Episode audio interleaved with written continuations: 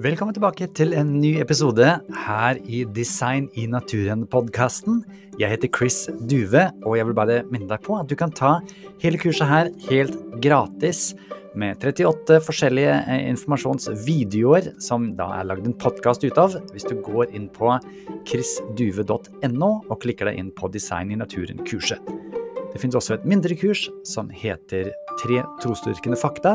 Alt dette er altså gratis tilgjengelig. Men nå er det på tide med dagens episode. Vær så god.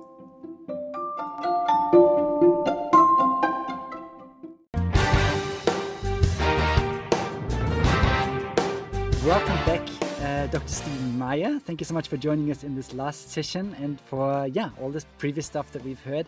And now we're going to get a little bit more into what all of this means, kind of what is the conclusion. So I hope you are ready. I, So- I'm definitely ready. Let's go. Yeah. Good stuff. Good stuff. So, uh, in my copy of the signature signature in the cell uh, that you signed when I met you, you actually wrote uh, Psalm 103, and you know that is, uh, of course, a psalm that's in the Bible, and it's about God, uh, you know, making the world and how people, uh, God stretched out the heavens and the creatures and the different. um uh, yeah, the different uh, things, how they are to live for God. And we've looked at kind of the main concepts now of, you know, design, of that the world is coming from somewhere, how even in the fossil record we need different things to come in.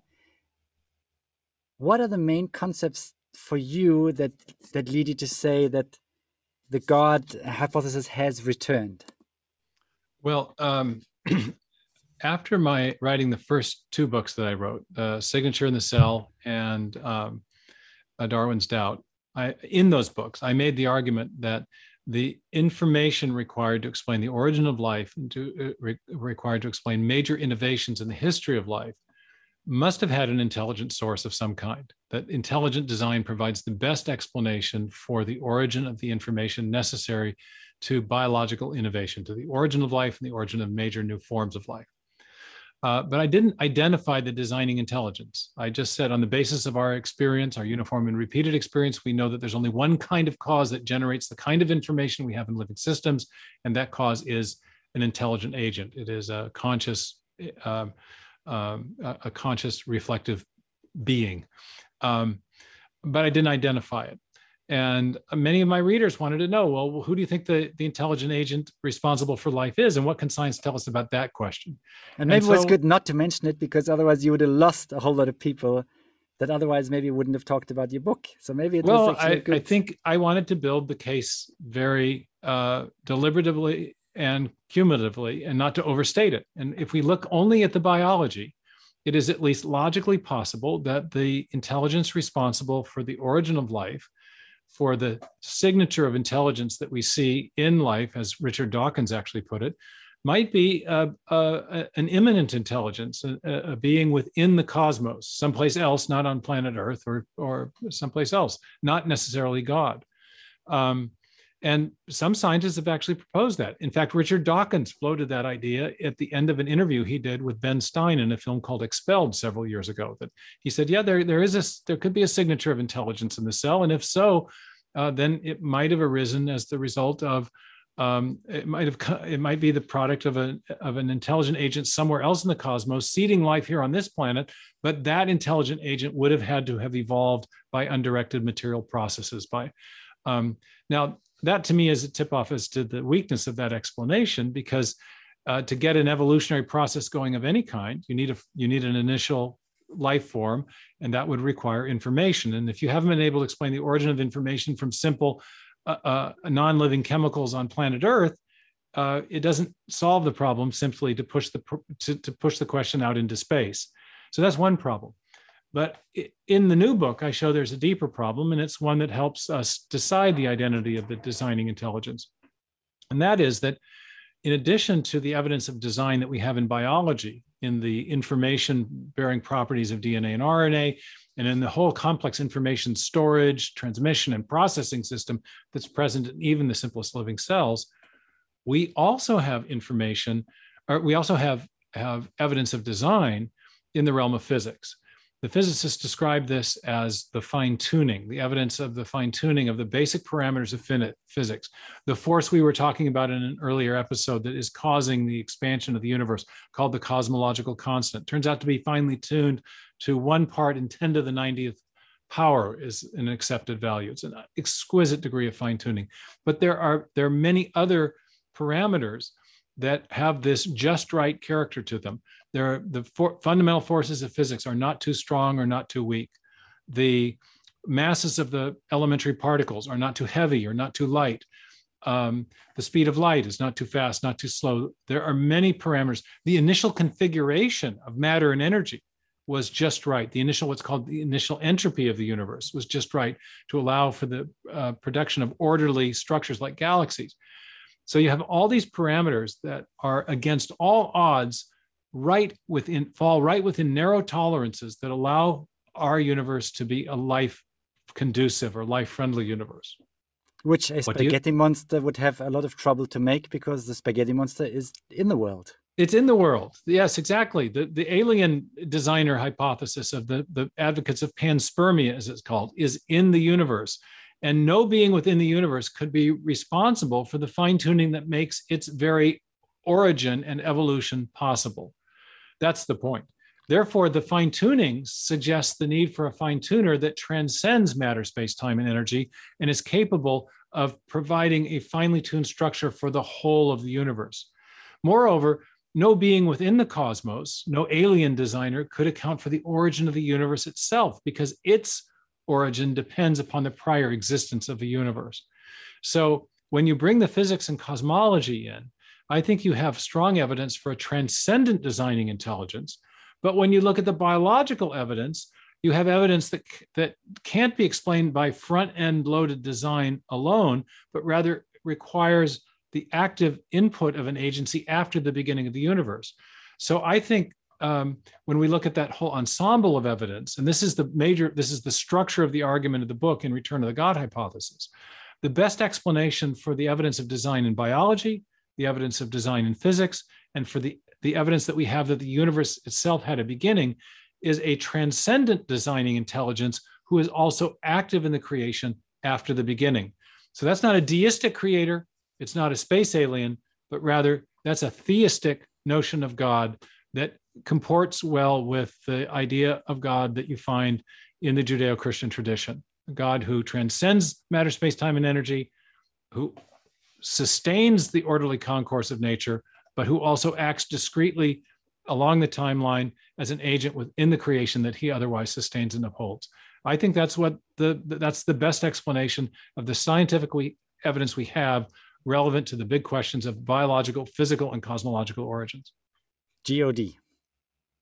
Yeah, there it is. QED, GOD. Yeah. yeah. Actually, not QED, because I'm very careful to say that we're not providing a mathematical proof for no. the existence of God, but rather the evidence supports the God hypothesis as the best explanation of, of uh, the evidence that we have.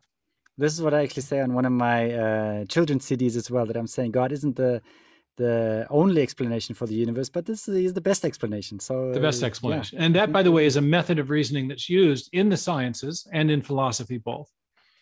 Was that that Christian guy Occam who found out about that, looking at the you know simplifying it down to the simplest? well, William of Occam's principle was that. Uh, Occam's razor. When trying to explain the data of the world around us, we should not multiply explanatory entities, thus making highly convoluted explanations. One example of a such a convoluted explanation, a very popular one, you're smiling already, you know what I'm going to say, is the multiverse, right? It's the it is the go-to atheistic explanation right now. Yes, the origin of life was incredibly improbable. Yes, the fine-tuning is is incredibly improbable, but given that there may have been billions and billions of other universes out there, a universe with the correct fine tuning parameters and the right combination of events after the Big Bang make that led to the origin of life would have would have had to arise by chance somewhere because there were so many there's so many universes one of the universes must have had the right set of parameters to allow for life in the universe and we just happen to be living in the lucky in the in the lucky universe there's a problem with that one is that uh, it does absolutely multiply explanatory entities by positing billions of other universes. But it also multiplies explanatory entities because, in order to explain the fine tuning by reference to the multiverse, it's not good enough just to posit a bunch of other causally disconnected universes. If the other universes are out there, but they don't uh, interact with ours, then nothing that happens in those other universes affects anything in our universe, including the process that gave rise to the fine tuning. It doesn't render the fine tuning any more or less probable to say that there are other universes that have no contact with ours. Um, in order, so to make the fine tuning uh, or the multiverse hypothesis work as an explanation for the fine tuning, the multiverse advocates have to posit a, an underlying universe generating mechanism or mechanisms that they allow to us design to a mechanism that allow them to portray Yeah. our universe as the lucky winner of a grand cosmic lottery. Yeah. But that's where the rub comes in. It turns out that even in theory, these universe generating mechanisms require prior unexplained fine tuning to plausibly produce new universes, other universes. And so the fine tuning, the, uh, the has not been explained, not ultimately, but rather it's just been pushed back to to to reside in the in the universe generating mechanisms, and and therefore uh, the multiverse hypothesis is a much more con- convoluted. It posits multiple explanatory entities, not only all the other universes, but all the theoretical entities that are involved in the universe generating mechanisms, and they are many.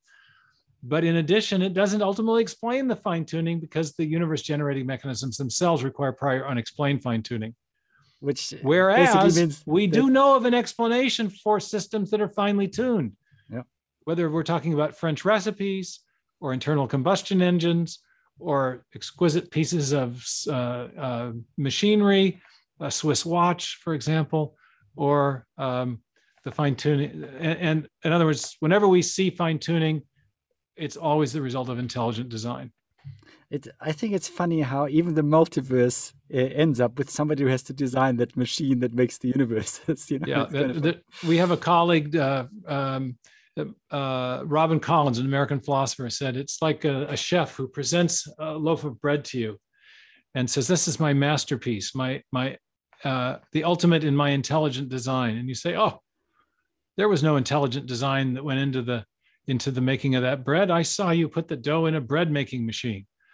And uh, the, but the, the chef says well but i designed the bread making machine and the and the dough. I designed the recipe for the dough. Don't tell me there was no design um, it doesn't eliminate the, the the design if there was a mechanism that produced it prior to your the the, the fine tuning itself Now, uh, Dr. Meyer, you're spending a lot of time and a lot of energy, even in controversies and so on, uh, explaining to people about design. Uh, you know, I like that word rational design that you mentioned earlier. That is it's used in the papers of the people I who like do uh, ribozyme engineering as they call it Yeah, yeah, yeah, the, the, yeah. the prebiotic simulation experiments I like it. Uh, but intelligent design.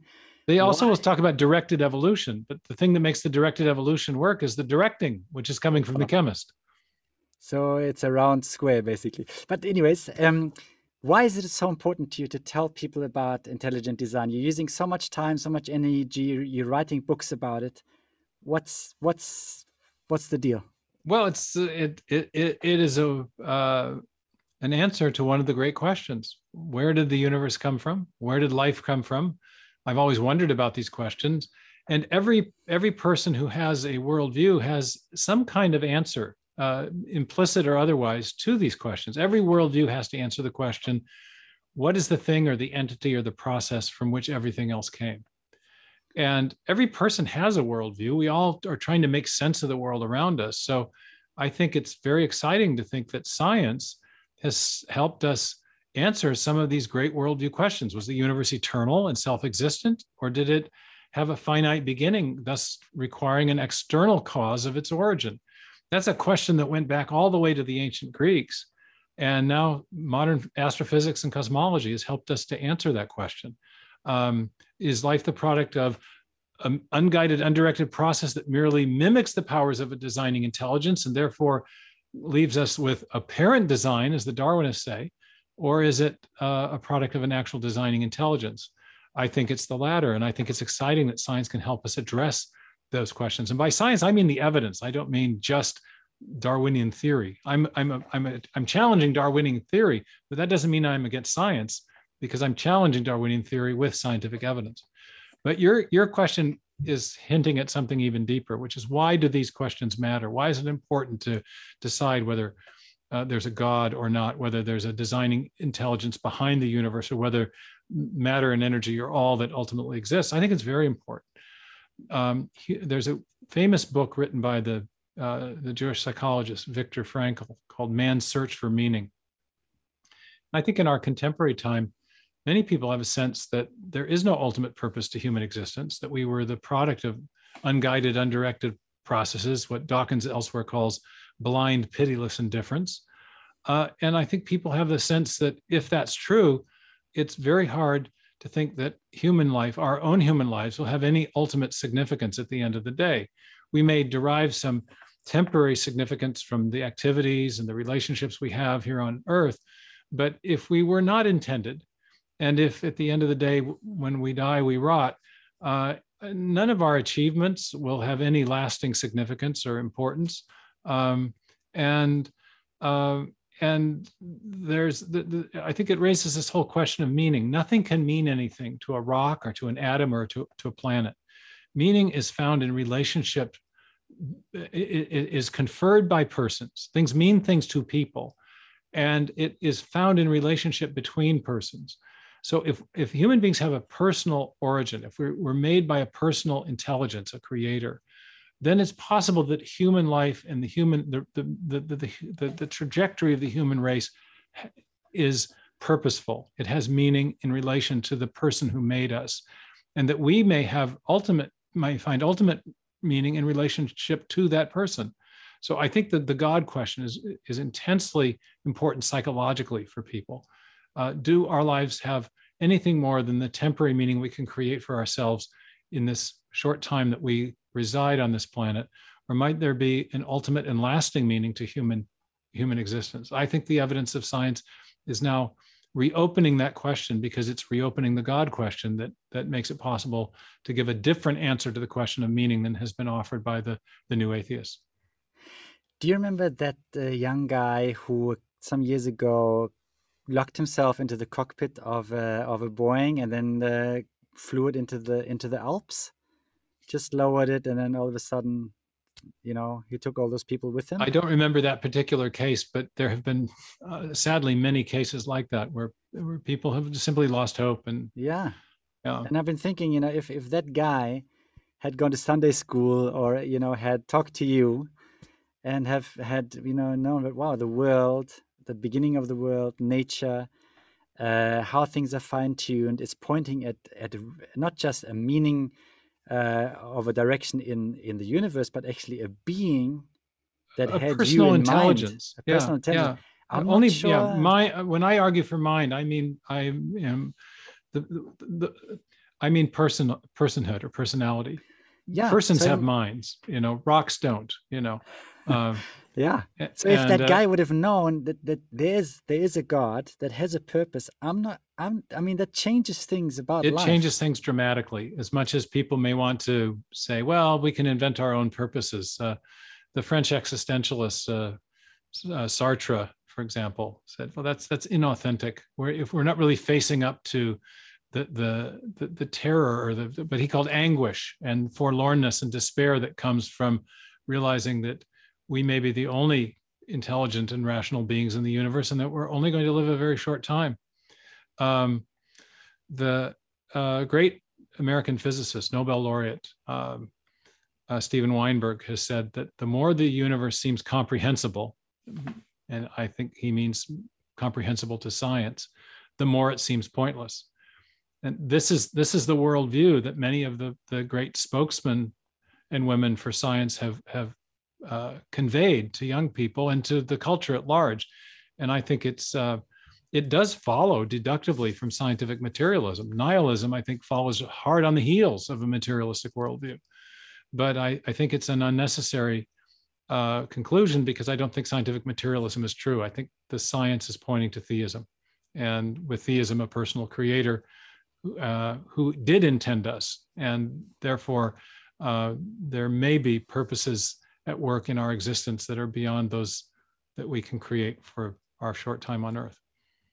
I think that uh, that message gives a lot of hope because in Norway, you know, religion, Christianity, or faith in God is kind of pushed in the very personal corner. Like you, like you say, it's make believe. So basically, in the end, you're charging people to make their own meaning. You know, and that is a very heavy burden. I mean, one thing that I'm very glad for in my marriage, in my raising my kids, and living my life is that I've got an external source of value and of direction of meaning that is that's really helping me. I mean that well our whole ethical systems are built on the notion that that human beings have an objective value uh, and therefore human life has a value. That's why we proscribe murder.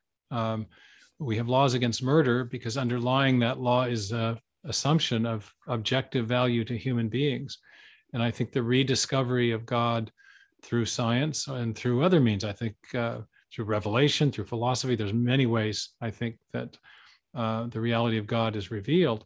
But if there is a God, it helps us answer the question of how humans could have an objective value. Hmm. Um, because value valuing is also something that only persons do. And if there is a transcendent person whose opinion matters more than the opinions of individual people on earth, then uh, humans can be objectively valuable. If uh, value, conversely, is only conferred by the opinion of individuals, we may all disagree with each other about what is and is not value, valued. And then that necessarily devolves into competing systems of relativist, relativistic ethics, which creates moral chaos. So, uh, if you're a moral objectivist, I think theism gives the best account of where the values come from that, that ground um, moral principles. And uh, that's another reason to, to be a theist, but it also restore helps to restore meaning to life because meaning and value are closely aligned. Uh, if you, we value things that are meaningful to us, things that are meaningful to us are things that we value. You know, um, one thing that I meet when I travel around in Norway and I have these different uh, events and stuff is that uh, when I ask people why they believe in God, it's mostly internal reasons. You know, I, have experienced something. I've lived some I've a subjective experience, right? And right. that's wonderful. That's where that's where most of life is happening. It's in a, happening in our subjective experience.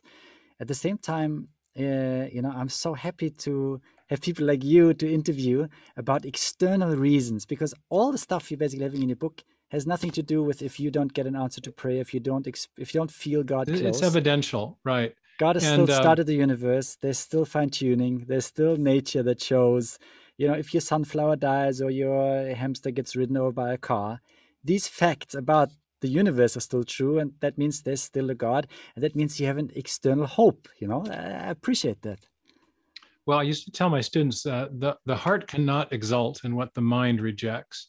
And many students who had religious experience re- religious experiences in their early years would lose their faith in in their university years because college professors would in one way or another challenge their theistic worldview uh, oftentimes allegedly based on science. And i think it's very important to have an evidential and philosophical basis for belief as well as an experiential one because our feelings about things can wax and wane. And uh, and it, it's it's helpful to know that there is an objective basis for faith. And I, I've made part of that case in this book, the, the part that's relevant to the big, the big questions about biological and cosmological origins. Uh, let me end by reading a quote from your book, uh, which you already know, but uh, with people who are listening, maybe maybe don't yet. Um, I liked how you kind of uh, really respectfully um, have, talk about your conversation with Lawrence Krauss, and he says the universe is the way it is, whether we like it or not uh, the universe doesn't exist to make you happy. Um, and basically have fun uh, while you're still alive uh, is kind of kind of a bit of a direction there. Enjoy your life while you can. But society really goes south pretty quickly if everybody's having fun according to their own way. Uh, I mean, uh, if you look at societies that had that kind of ruling, it really doesn't work. So here's an answer for, from you to that. Um, our actions betray a belief in objective oral, uh, um, objective moral values and moral principles, he says. But then you go to this external source, where theism provides a coherent account of ethics and epistemology or truth thinking, and it commends it more as a rational worldview than any other, uh, uh, than many competing systems of thought. And so I like how you incorporate, yes, there are many systems of thought, and, and I mean, everybody's allowed to think whatever they want. But at the same time, if you want a worldview that links reality, experience, uh, self worth, then actually um, a worldview where there is a, a, God that gives meaning, gives origin, really is, uh, yeah, the one that is not just current with reality, but actually with human experience. It comports with our human experience and the scientific evidence. Um, one of the big points I discuss in the book is the that science is based upon an assumption of the reality of the mind. Um, and if there is a theistic creator who made our minds to with uh, rational capabilities that uh, allow us to perceive the rationality of the world, we have uh, grounds for believing in the reality of mind. If the mind arose by undirected material processes that were only and uh, uh, and those processes were only concerned, if you will, metaphorically speaking, because it's a mindless process, if they only maximize survival value, we may have a number of things that we believe or a tendency to believe things because they help us survive that may not in fact be true. And any many of our beliefs about things like uh, the origin of the universe or the origin of life or the uh, the evolution of life are are abstract beliefs that have really little to do with our survival values. So on what basis can we be confident that we believe those? Anyway there's a whole section in the book on this problem of what's known as in the very last chapter on the problem of what's known as naturalistic epistemology. It bothered darwin a whole a great deal. He said if, if we arose from the same process that produced the minds of the lower animals, the minds of the uh, the, the chimpanzees, the monkeys. Um, uh, how can we be confident that our thinking about things is any more or less reliable than theirs? Uh, uh if um, and Dawkins uh, uh, actually illustrated this problem. He he accounts for the origin of religious belief on the grounds that it helps us to survive, and yet he also believes that, um, but that implies that the evolutionary process can produce beliefs that are false, and and like and often does uh, because he also thinks that religious belief is false. So the evolutionary process produces a belief that helps us survive, which is also a false belief. So that shows the separation that can occur between uh, uh, uh, uh an advantageous belief from the standpoint of survival and a truth um, a, a truthful belief. And naturalistic epistemology has this problem that it attempts to account for the, the reliability of the mind or the, the, the function of the mind only on survival, on the basis of principles of survival, not, not epistemic truth seeking. Um, so there's a another deep issue that theism helps to, to resolve. I think we, we won't get to the bottom of all your wonderful chapters in your book. But I've really appreciated the kind of the grand view of these three main things of, you know, the beginning of the universe, the fine tuning, the biology, pointing to a personal external source. And um, yeah, I thank you so much for pointing it out. And I'd love for people to read your book and also to uh, watch some of the interviews with you that you keep coming. And I, as I told you before, I really appreciate how you are kind and uh, yeah, you you somehow communicate strong points in a in a soft way. I don't know. You have a gift there, and oh, I appreciate you, very much how, you. Thank you for through. reaching out and for taking the time to have this uh, multifaceted discussion. I think we've done what four segments now. It's very That's good. True. Right? And greetings to your your wonderful students in uh, in Norway and the other other countries nearby that you're reaching with your your your fascinating videos. You've had a number of interesting guests, I understand. So. Uh, I'm honored to be in in that uh, uh, train with people like Jim Tour. So thank you. Thank you very very much. Good. Yeah.